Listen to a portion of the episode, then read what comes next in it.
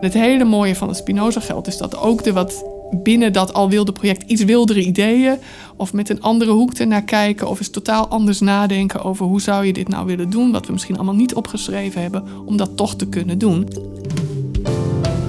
Al dus Marileen Dochterom, hoogleraar Bio-Nanoscience, verbonden aan de TU Delft. Zij is de vierde en laatste Spinoza-laureaat 2018 die ik spreek. Ook zij kreeg dus 2,5 miljoen euro toegekend door NWO vrij te besteden aan onderzoek. Wat gaat ze doen met dat geld? Dat is de vraag die zij hopelijk zo meteen gaat beantwoorden. Bezoek onze website of volg ons op Twitter en Facebook voor meer verhalen uit de wetenschap. Mijn naam is Karin van den Boogaard. Marleen, we zitten hier in jouw eigen werkkamer uh, in Delft. Welkom in de podcast van Wetenschap.nu. Dankjewel. Fijn dat je tijd wilde maken voor mij. Je bent net terug van vakantie. Uh, Heb je nou liggen dromen van uh, wat te doen met die 2,5 miljoen? Of kan je dat heel goed loslaten? Nou, een klein beetje heb ik daarvan wel liggen dromen, maar ik kan het ook uitstekend loslaten. Ik uh, ben ook lekker uh, mosselen wezen zoeken op het strand in Bretagne met mijn kinderen en dan denk je daar helemaal niet aan. Heel goed. Wat betekent de toekenning van de Spinoza voor jou persoonlijk? Nou, het is een hele mooie eer die je toekomt. Dus ik ben er uiteraard, zoals dat ook hoort, maar zoals het ook echt zo is, heel erg blij mee. Het is toch een verrassing. je voelt je er wat stil van worden. En nou, het, is, het is gewoon een hele duidelijke erkenning voor het werk van, van onze groep van de afgelopen jaren. En dat is gewoon fijn. Het is iets wat niet per se nodig is, maar als je het krijgt, want die bevrediging uit je onderzoek, die heb je toch al, die krijg je toch wel uit het onderzoek. Ja. Maar dat de buitenwereld uh, dat ook erkent, is belangrijk. Ja, het is denk ik. Uh, hey, gedurende je wetenschappelijke carrière ben je heel erg uh, gewend om na te denken over wat zou ik willen doen en hoe ga ik dat bekostigen. En dan schrijf je daar plannen voor. En dan is het al fijn als mensen daar enthousiast op reageren, je dat ook kan doen. En dit is zeg maar, ja, dit komt echt uit de lucht vallen en is, is ook heel duidelijk een bevestiging dat niet alleen mijn directe vakgenoten in het gebied in Nederland en daarbuiten, maar ook iets wijder in de wetenschappelijke wereld dat er uh, met belangstelling gekeken wordt naar het wetenschappelijk onderzoek dat wij doen. En dat, uh, nou, dat geeft voldoening. Nogmaals, net precies wat je zegt, is niet nodig. Hè. Het, is, het is veel belangrijker dat je, uh, dat je goede feedback krijgt van je collega's op papers, op voorstellen die je schrijft. Maar zo'n ongevraagde erkenning, zeg maar, is natuurlijk zeker ja, is, is, uh, dat geeft bepaalde rust en dat geeft uh, zeker ook trots. Ja. Kwam het echt helemaal uit de lucht vallen? Wist je niet dat uh, Delft hiermee bezig was? Nou, ik, op het moment dat Stan Gielen mij belde, was ik daar absoluut niet mee bezig. En eigenlijk helemaal niet dit jaar. Dus het was op dat moment echt een verrassing. Ik wist wel van een half jaar geleden of zo dat de universiteit overwoog mij te nomineren. dus in die zin wist ik dat het een mogelijkheid was, maar ik was er, ik was er gewoon niet mee bezig.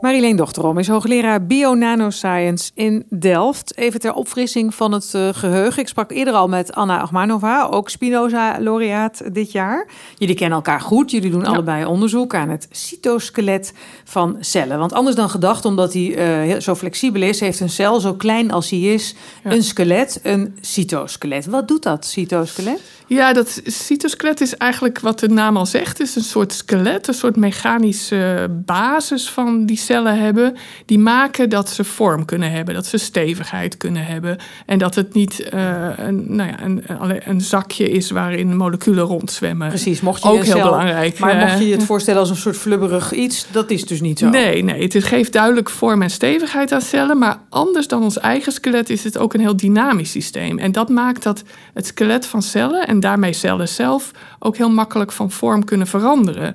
Ik heb het wel eens eerder een soort barbapapa genoemd. Het is dus een mechanische basis die maakt dat het afhankelijk van wat de cel aan het doen is, van vorm kan veranderen. Kan wandelen, een, een, voorkant van een achterkant kan onderscheiden, maar ook kan delen. Als een cel zich deelt, dan moet die eerst twee keer zo groot worden. Alle inhoud van de cel moet verdubbeld worden. Heel belangrijk uiteraard ook het genetisch materiaal, het DNA. En uiteindelijk moet dat allemaal fysiek in tweeën gesplitst worden. Dus dan moet die cel, die wordt eerst rond, die, wordt, en die, die vervormt dan. En uiteindelijk uh, kunnen daar dan twee cellen uitkomen. En al die, die dynamiek, dus het van vorm veranderen, dat komt omdat dat skelet wat cellen hebben een heel dynamisch systeem is. Wat voortdurend, nogmaals afhankelijk van wat de cel nodig heeft, zichzelf kan heruitvinden. Kan, hè, in de ene vorm kan opbouwen, uit elkaar vallen en dan in de andere vorm weer opnieuw opbouwen.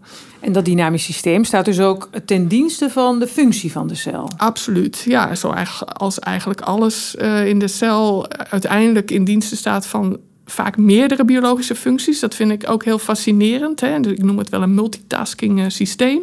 Zo'n cytoskelet kan tegelijkertijd een transportsysteem uh, vormen voor uh, allerlei motortjes die er langs rennen. Een soort uh, snelwegsysteem. Als dat het ook de, de cel zijn vorm kan geven. het ook bepaalde moleculen links en niet rechts kan afleveren. Dus het kan ja, heel veel verschillende biologische functies tegelijkertijd uitoefenen. Uh, en dan ook nog op een gecontroleerde manier. Wat natuurlijk heel lastig te bevatten is hoe dat allemaal kan. Ja, hoe bevat jij dat? Nou, niet nog. In zijn geheel, dat is, is enorm fascinerend. Het, het zijn in principe zelfassemblerende systemen. Hè? Die, die cytoskelet polymeren, want het zijn lange draden opgebouwd uit eiwitten. De componenten daarvan die kun je isoleren. En dan hebben, hebben die componenten van zichzelf de eigenschap dat ze in staat zijn die lange draden te vormen. Uit, uiteraard afhankelijk van de condities waaronder je dat doet. Maar die zelfassemblerende draden, een heleboel daarvan die kunnen zichzelf organiseren in de ruimte op verschillende manieren. Allemaal bottom-up. En daarmee al die verschillende biologische functies uitvoeren. En hoe dat voor één enkele draad precies gebeurt, begrijpen we wel.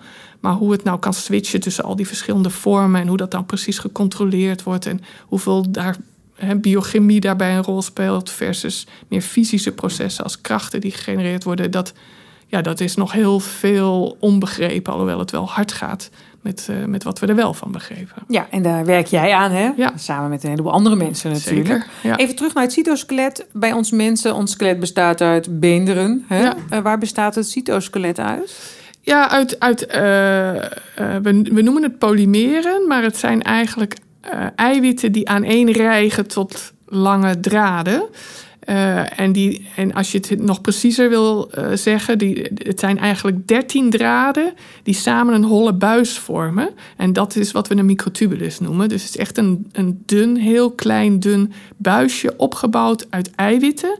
En, maar het is maar één type eiwit. Dus het is niet dat je er allerlei verschillende voor nodig hebt. Dus tubuline is een eiwit dat zelf die, die buizen kan vormen. Ook buiten de cel. En tubuline, daar kom jij aan op een hele bijzondere manier, heb ik ergens gelezen. Kun je dat stond in de Volkskrant, geloof ik.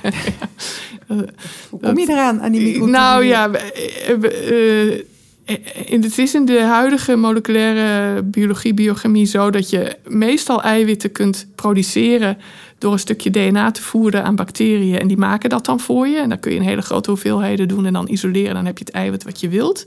Juist bij tubuline is dat lastig.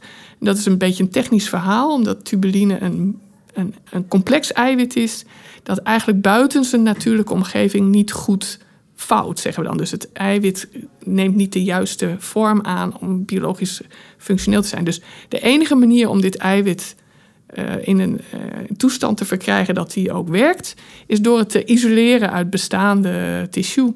En dat zou in principe uh, alle cellen hebben, tubuline gist, mensen, planten, koeien, alles en iedereen, eh, behalve bacteriën, die hebben tubuline. Alhoewel ook bacteriën die, eiwitten hebben die erop lijken. En dus kan je in principe uit elk stukje vlees zou je tubuline kunnen isoleren. In de praktijk is het het makkelijkst om daar hersenmateriaal voor te gebruiken. Omdat met name neuronale cellen echt helemaal vol zitten met microtubuli. Dus jij gaat, zo stond inderdaad in de Volkskrant, naar het, naar slachthuis. En daar krijg je dus slachtafval. Hè, dus gewoon eh, van of koeien of varkens, eh, dat eh, wat overblijft na de slacht. Hè. Je hoeft er niet speciaal voor te slachten, maar gewoon slachtafval, wat anders misschien de prullenbak in gaat. Als je dat vers genoeg kunt verkrijgen, dan kun je daar uh, eiwitten uit isoleren. En eerlijkheid uh, gebied wel te zeggen dat we dat ook vaak via een commerciële tussenpersoon doen. Dus we kunnen dat zelf doen. Maar er zijn ook bedrijfjes die dat doen en dan koop je het uh, al geïsoleerde project, uh, product direct van zo'n uh, bedrijfje, biotechbedrijf, dat kan ook. Oké, jij moest lachen toen ik dat zei dat ik dat gelezen had. Want, eh, dat was, was dat nog niet, niet al onbekend dat jij daar zo aan kwam? Zeker, zeker. Maar dat was toen uh, kennelijk een grappig uh, feit wat, wat in dat interview terecht is gekomen. Maar dat is al sinds jaren dag dat, dat iedereen die met tubuline werkt dat die zo doet. Dat, ja, zeker. Ja. zeker. Um, je hebt net al uitgelegd waarom juist die microtubuli zo'n interessant onderzoeksobject zijn. Hè? Ze transporteren stoffen, ze spelen een rol bij het inkrimpen en uitzetten van cellen ook. Hè? Waarom is dat zo belangrijk? Uh, heeft dat te maken met die deling van cellen? Ja, dus vooral, eh, nou, biologisch zijn heel veel processen natuurlijk belangrijk. Maar een van de meest essentiële dingen dat elke cel moet doen, is op een juiste manier delen. En dan is het vooral heel belangrijk dat elke dochtercel precies dezelfde genetische informatie heeft als de moedercel. Dus de cel besteedt heel veel energie, aandacht, als je het zo zou kunnen noemen, aan het heel precies verdelen van de chromosomen, het genetisch materiaal tijdens celdeling. En daarvoor is het cytoskelet echt enorm belangrijk. Dus het cytoskelet is ervoor verantwoordelijk om die chromosomen letterlijk te vangen. Er is een heel proces dat gaat daaraan vooraf, die maakt dat elk chromosoom netjes verdubbeld wordt. Dat, dat is een helemaal niet van het cytoskelet afhankelijk. Maar op het moment dat elke chromosoom een netjes een kopie van zichzelf heeft gemaakt. En dus in het geval van, van mensen heb je dan dus nou ja, ruim 20 chromosomen die verdubbeld worden. En de helft daarvan moet uh, in de ene dochtercel terechtkomen en precies de andere helft in de andere dochtercel. En het gaat niet alleen dat qua aantallen, dat bij ook van elk, elk koppel, elk verdubbeld chromosoom moet één links en één rechts terechtkomen. En het cytoskelet de microtubuli, het cytoskelet is, daar zijn meer polymeren bij betrokken, maar specifiek de microtubuli, die vangen letterlijk die chromosomen, hechten zich eraan vast, zetten ze in het midden van de cel, controleren met behulp van allerlei biochemie dat iedereen netjes in het midden is gearriveerd, dat de goede helft naar links wijst en de goede helft naar rechts wijst. En als dat allemaal oké is, zijn ze ook verantwoordelijk voor het letterlijk uit elkaar trekken van die paren, zodat de helft naar links en de andere helft naar rechts beweegt. Dus heel belangrijk biologisch proces, wat enorm strak gecontroleerd wordt, zodat er geen fouten ontstaan. Maar het is ook een heel fysisch proces. Want letterlijk moet je ervoor zorgen dat er geduwd wordt om die chromosomen op hun plek in het midden van de cel te krijgen. En getrokken wordt om ze vervolgens uit elkaar te bewegen naar die nieuwe dochtercellen. Het is op hele kleine schaal een heel mechanisch, fysisch uh, proces wat daar plaatsvindt. Zoals jij het beschrijft, lijkt het wel een soort politieagenten. Ja, nou, er zijn ook letterlijk, zo worden ze genoemd, uh, mechanismen die noemen we checkpoints. En dat zijn uh, feedbackmechanismen, die, dus biochemische reacties die meten of de chromosomen wel voldoende onder fysische spanning staan. Dus of er wel hard genoeg aan getrokken wordt naar links en naar rechts. Voordat er een switch komt die zegt en nu mag je uit elkaar. Dus daar wordt wel degelijk via een heel aantal van dat soort checkpoints gecontroleerd of het wel goed gaat. Uh, Anna Achmanova kijkt met een biologische blik naar deze uh, microtubuli en naar het ja. cytoskelet van een cel. Hè? En jij met de natuurkundige blik. Ja. Jij zit in de bio-nanoscience. wat betekent dat? Hoe doe jij dat? Wat is het verschil tussen jullie? Nou, um, wij zijn dus ten eerste geïnteresseerd in die, meer die mechanische kant. Hè. Hoe kan het nou dat een microtubulus, als die groeit, dat die letterlijk kan duwen? En hoeveel kracht komt daar dan bij genereren? En is dat genoeg om een chromosoom te verplaatsen en waarom? Uh, hetzelfde als die gaat krimpen, kan die trekken aan een chromosoom? Wat voor krachten komen daarbij kijken? En uh, dus we zijn geïnteresseerd in de, in de fysische aspecten van, van wat er in een cel gebeurt. En het andere verschil is dat Anna die, die bekijkt deze processen in hun uh, natuurlijke omgeving. Dus die, die bestudeert echte cellen, the real thing. En die probeert via slimme microscopie-experimenten, allerlei manipulaties, uh, verstoringen die ze aan die cel kan doen, uh, te achterhalen wat de rol van allerlei verschillende eiwitten in dat proces is, hoe dat met elkaar samenhangt. En uiteindelijk wat is de biologische realiteit waaronder al die processen plaats kunnen vinden.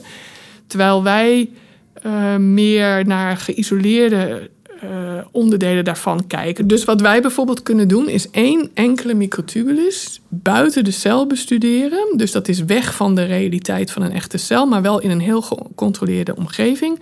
Door die tubuline-eiwitten te laten groeien, te laten zelf assembleren en er daar één zo'n buisje van te laten maken. En dan met biofysische en nanotechnologie meten, heel letterlijk, heel direct, hoe hard duwt zo'n microtubuul nu als hij groeit? Of hoe hard trekt hij als hij krimpt?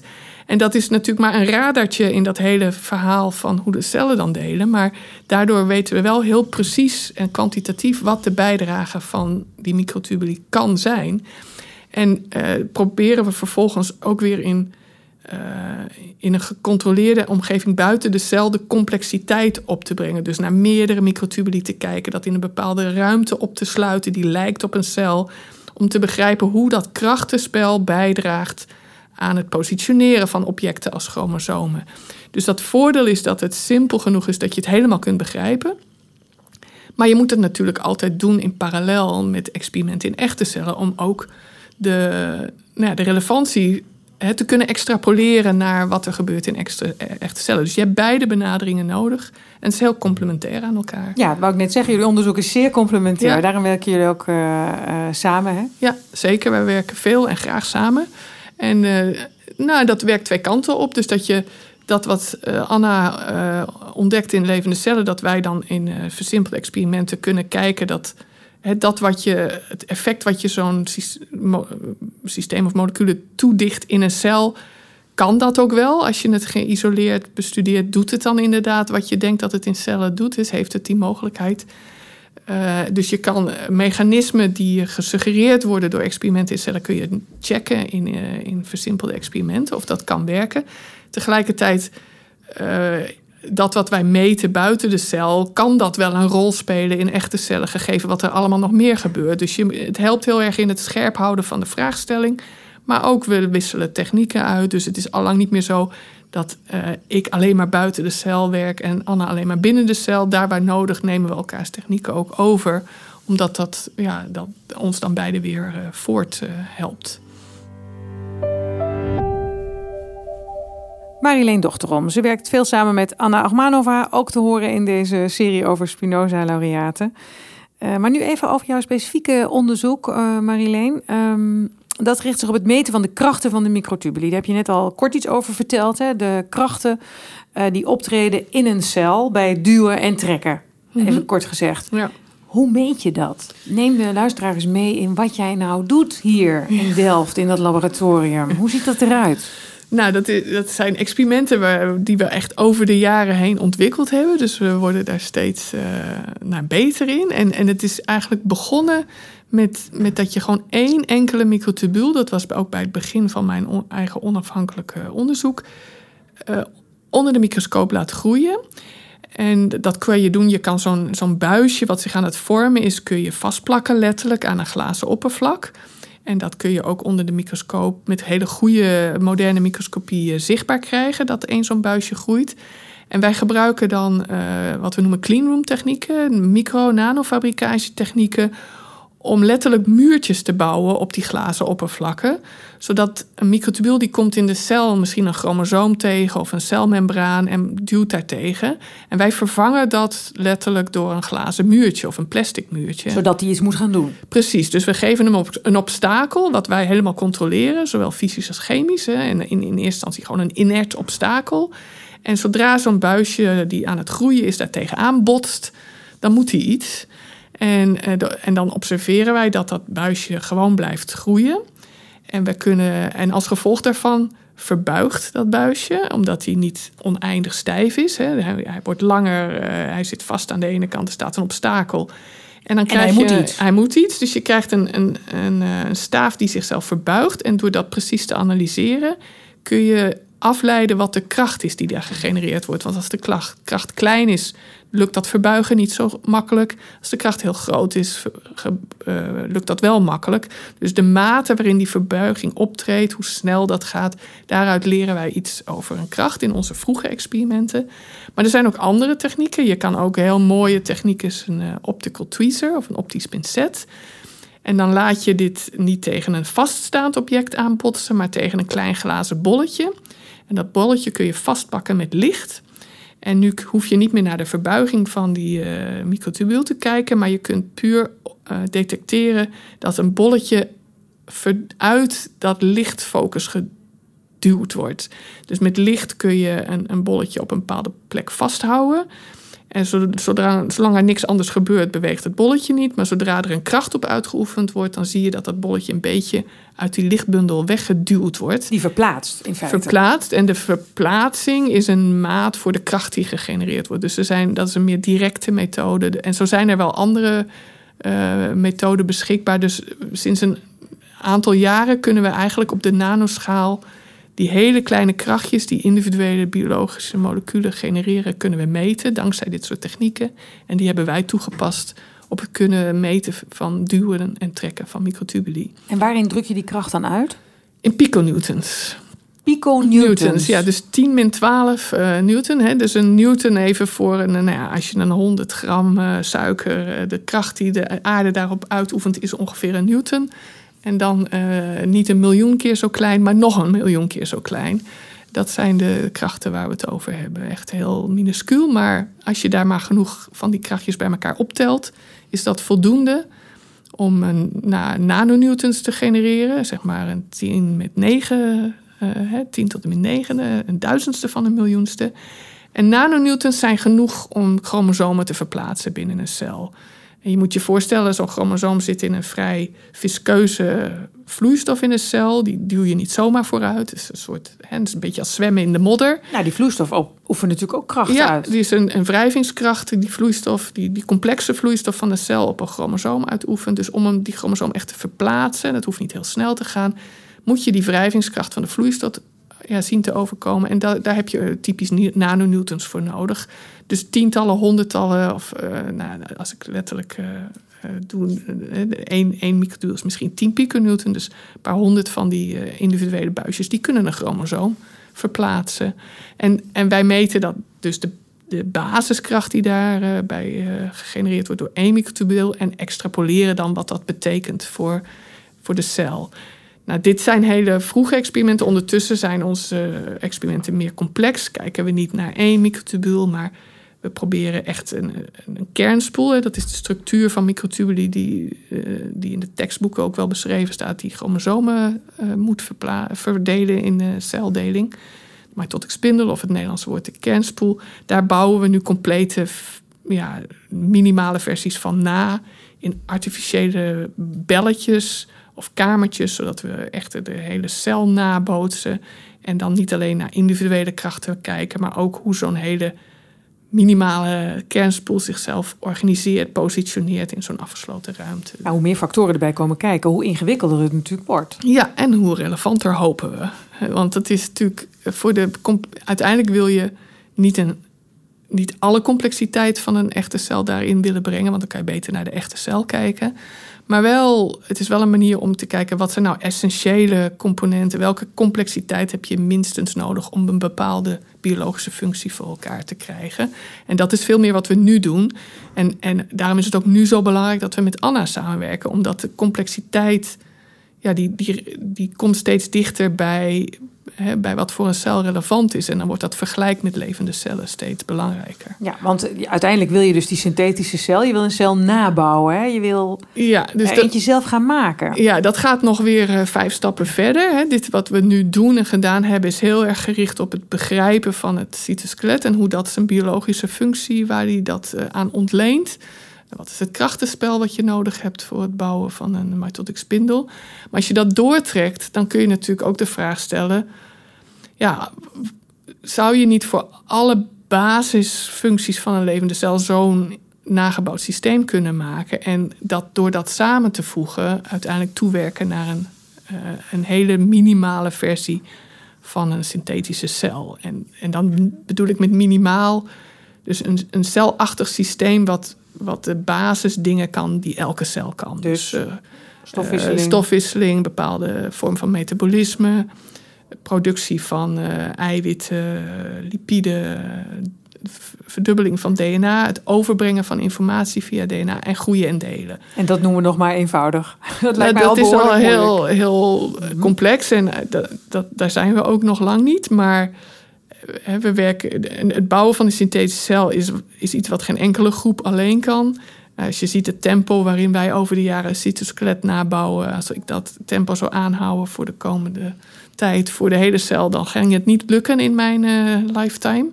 Maar omdat er ondertussen allerlei andere groepen, ook echt met name in Nederland zijn, die allerlei andere cellulaire aspecten ondertussen redelijk kunnen nabouwen. Dus uh, ATP-synthase in Groningen bijvoorbeeld, eiwitproductie hier in Delft, DNA-replicatie. Um, dus door, doordat er heel veel voortgang is geboekt in verschillende groepen kun je er nu over denken om dat gezamenlijk wel zo'n project aan te gaan. Dus en dat is die multidisciplinariteit ook nodig. Heel erg. Je hebt niet alleen de multidisciplinariteit nodig, dus ook bijvoorbeeld modelleren, uh, theoretische modellen ervan. Maar je hebt ook gewoon uh, specialisme nodig in al die verschillende celonderdelen. Dus er zijn fysici, chemici, biologen bij betrokken die niet alleen die verschillende disciplines inbrengen, maar die ook kennis van metabolisme, van DNA-processing, van cytoskelet, van mechanische eigenschappen van membranen, al die expertise inbrengen. En, en dan kun je vervolgens uh, nou ja, nadenken over hoe dat te integreren. Met als tip op de horizon inderdaad zo'n uh, zelfgroeiende, delende synthetische cel. En ga jij dat redden? Nou, dat... Uh, In jouw wetenschappelijke carrière, Marileen. Uh, wie weet, ja. We hebben zijn vorig jaar september begonnen met een groot zwaartekrachtproject. dat is toegekend in mei 2017, gestart formeel in 2000, september 2017. En dat is een samenwerking tussen zes universiteitsinstituten in Nederland... Hè, van het type expertise wat ik net noemde, 17 groepen die daarbij betrokken zijn. En wij hebben, toen we dit voorstel aan de commissie die het moest beoordelen, uh, presenteerden, uiteraard beloofd dat dit in tien jaar, want het is echt een langlopend tienjarig programma, zou moeten kunnen lukken. Er zijn optimisten die denken dat, het, dat er een versnelling zal komen en dat het misschien nog wel sneller kan. Het kan ook 15 of 20 jaar duren. Ondertussen denk ik wel dat ik het nog mee ga maken. Of ik dan gepensioneerd ben, we zullen zien. Maar, uh... Ga je meemaken of het gaat lukken? Want ik heb John van Oost, die daar ook bij betrokken is. Ja. Ook Spinoza, laureaat van dit jaar. Uh, heb ik dat gevraagd. En die zei, ja, dat is een goede vraag aan Marileen. Is het maken van een synthetische cel überhaupt haalbaar? Nou ja, als ik daar het antwoord definitief op wist... dan was het een veel minder interessant project. Maar uh, ik denk dat het kijk, we weten dat uit, uit onderzoek uit Amerika bijvoorbeeld dat je een, een, een aantal honderden componenten nodig hebt om een minimale cel levend te houden. Dat is werk van het Greg Venter Instituut. Die hebben een bestaande cel gestript. Dus dat, die cel heeft van zichzelf dik duizend genen. Dus dik duizend uh, onafhankelijke componenten op eiwitniveau. En die hebben ze de helft, uh, iets meer dan de helft van weg kunnen halen. En dan nog steeds groeit en deelt die cel. Hoe precies en waarom, dat is dus niet bekend. Dus, dus het aantal componenten wat je nodig hebt in theorie is te overzien, zou ik zeggen. Om dat bottom-up, die complexiteit op een goede manier onder controle te krijgen, dat het ook groeit en deelt, dat, nou ja, dat is de grote uitdaging. Ik denk sowieso dat we daar enorm veel over biologische cellen van gaan leren, alleen al door het te proberen. En uh, een bepaalde vorm van, hoe goed het zal zijn, dat durf ik niet te beweren, gaat denk ik lukken. Ja, dat denk ik wel. En al was het, nou, het aantal is te overzien, lijkt. Uh, en echte cellen werken ook op basis van moleculen die samenwerken. Dus dat het kan, dat weten we.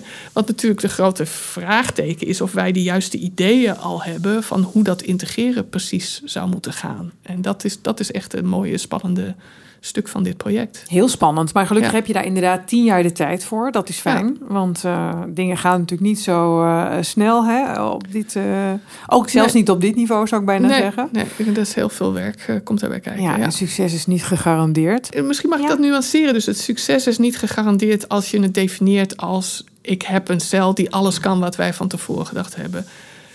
Heel veel tussenstappen die zijn denk ik wel gegarandeerd. Ik weet niet precies welke het zijn, maar dat die er komen is gegarandeerd. En ik denk dat we daar op fundamenteel niveau van de biologie gewoon sowieso heel veel van gaan leren. Precies. Dus jij zegt als ik de optelsom zie van wat we allemaal al weten, en dat pas ik hierop toe. Ja. En, uh, en, en ik heb een realistische vraag gesteld, dan is dat zeker haalbaar. Ja, zeker. Ja. Spannend. Ja. Dan wou ik ook nog aan jou vragen, als we het toch over John van der Oost hebben. Hij zei: Ik heb uh, de kracht van de evolutie uh, in het uh, onderzoeksvoorstel weten te krijgen. Dat is mijn aandeel. Ja, onder andere. Ja. Um, Wat heb jij daaraan, aan die kracht van evolutie? Eh, John definieert dat eigenlijk als uh, dingen zijn in de loop der uh, tijden ontstaan. Hè? Dat is de kracht van de evolutie. Nu stop je dingen eigenlijk als het ware in een soort pressure cooker, uh, zodat het een stuk sneller gaat. Wat, hoe helpt dat jouw onderzoek? Ja, dus voor die synthetische cel is dat die bijdrage enorm belangrijk, denk ik. Omdat, uh, juist omdat we nog niet precies weten hoe we dat integreren moeten doen. Dus wij kunnen redelijk beperkte biologische functie nabouwen. Hè, zoals wij dat met cytoskelet doen, anderen met andere componenten. Dat kunnen we al. Maar hoe gaat dat met elkaar samenwerken? En uh, wij kunnen dus die onafhankelijke componenten bouwen en bij elkaar gooien. En dat gaat natuurlijk niet werken. En hoe, wat is dan de strategie om te zorgen dat dat toch bij elkaar past? En wij kunnen heel veel dingen uitproberen en uh, allerlei parameters variëren. Dus dat zullen we ook zeker doen. Maar de kracht van de, de bijdrage die John levert, die evolutionaire aanpak, is dat je die stukjes ook kunt onderbrengen in cellen die het al doen. En dus zeg maar onderdelen uitwisselen met. En dan zal die cel waarschijnlijk niet happy zijn, niet goed functioneren, omdat het stukje wat ik heb ingebracht. Het, ja, niet goed samenwerkt met de rest. Pas niet. Pas niet. En dan wij kunnen in het lab parameters variëren om het passend te krijgen. Maar John kan met, door die cellen te evalueren, die cel de oplossing laten zoeken van, om het passend te krijgen. En de informatie die je daar krijgt, uithaalt, die kunnen wij dan weer meenemen in het bottom-up ontwikkelen van die dingen buiten de cel. Dus het is een hele krachtige manier om dat, om dat passend krijgen ja, te versnellen. En dat zou wel eens, uh, en dat zal John zeker uh, vinden, maar ik denk dat ik het met hem eens ben, zal wel eens cruciaal kunnen zijn dat het anders echt veel te lang gaat duren als we niet de kracht van evolutie gebruiken om ons te helpen oplossingen voor dat matchen van, van modules, zoals we dat noemen, te vinden. Dus dat, dat is ja, verwant aan we weten al, nogmaals uit het werk van, uh, van Greg Winter en ook anderen, dat, dat cellen heel simpel kunnen zijn. En die aanpak, meer de top-down, uh, inpassen in onze, onze approach, wat, dat is wat John gaat doen en waar hij ook enorm goed in is, dat gaat, gaat ons echt heel erg helpen. Dus dat is een hele belangrijke bijdrage die hij gaat leveren. Samen trouwens ook met Pascal Daran, een uh, hoogleraar hier bij de afdeling biotechnologie in Delft, die ook betrokken is bij het project. En dan zijn we nu aan uh, het laatste deel van ons gesprek gekomen, Marileen uh, Dochterom. Uh, en dat heb ik aan alle Spinoza-laureaten van dit jaar natuurlijk gevraagd. Wat ga je doen met die 2,5 miljoen? En ik las ergens dat jij ehm, wilde plannen wilde gaan maken. Maak ons eens deelgenoot van die wilde plannen. Welke kant gaan die dan op? Nou, ik zal... En hoe wild zijn ze? dus, de, de, ik denk het bouwen van een synthetische cel is al een behoorlijk wild plan.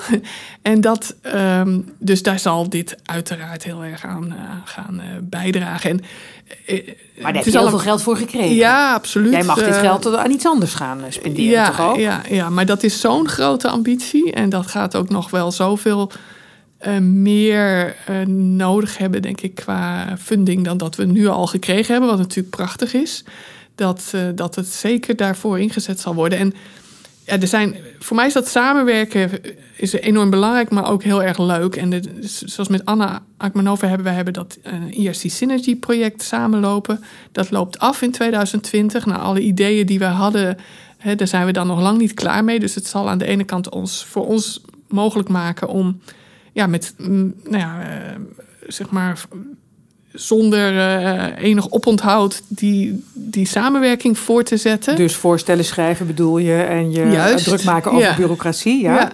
En, en dat andere grote samenwerkingsproject, daar zijn we nog maar net mee begonnen. Dat is een jaar oud. Dat is echt voor mij een, nou ja, een, een ambitie voor de komende 10, 15 jaar samen met anderen. Dat ik er uh, nog uh, aan kan werken.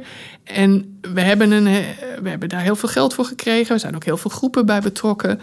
Uh, daar hebben we de eerste stappen van goed gedefinieerd. En ook daar is de funding ook voor bedoeld. Maar daar gaan allerlei onverwachte wendingen komen, ideeën.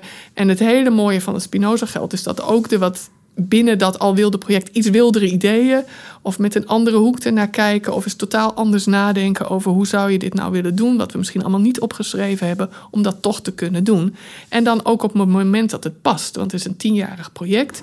Dus er zal, we gaan nu misschien de voor de hand liggende uh, stappen nemen die we uh, ook beloofd hebben.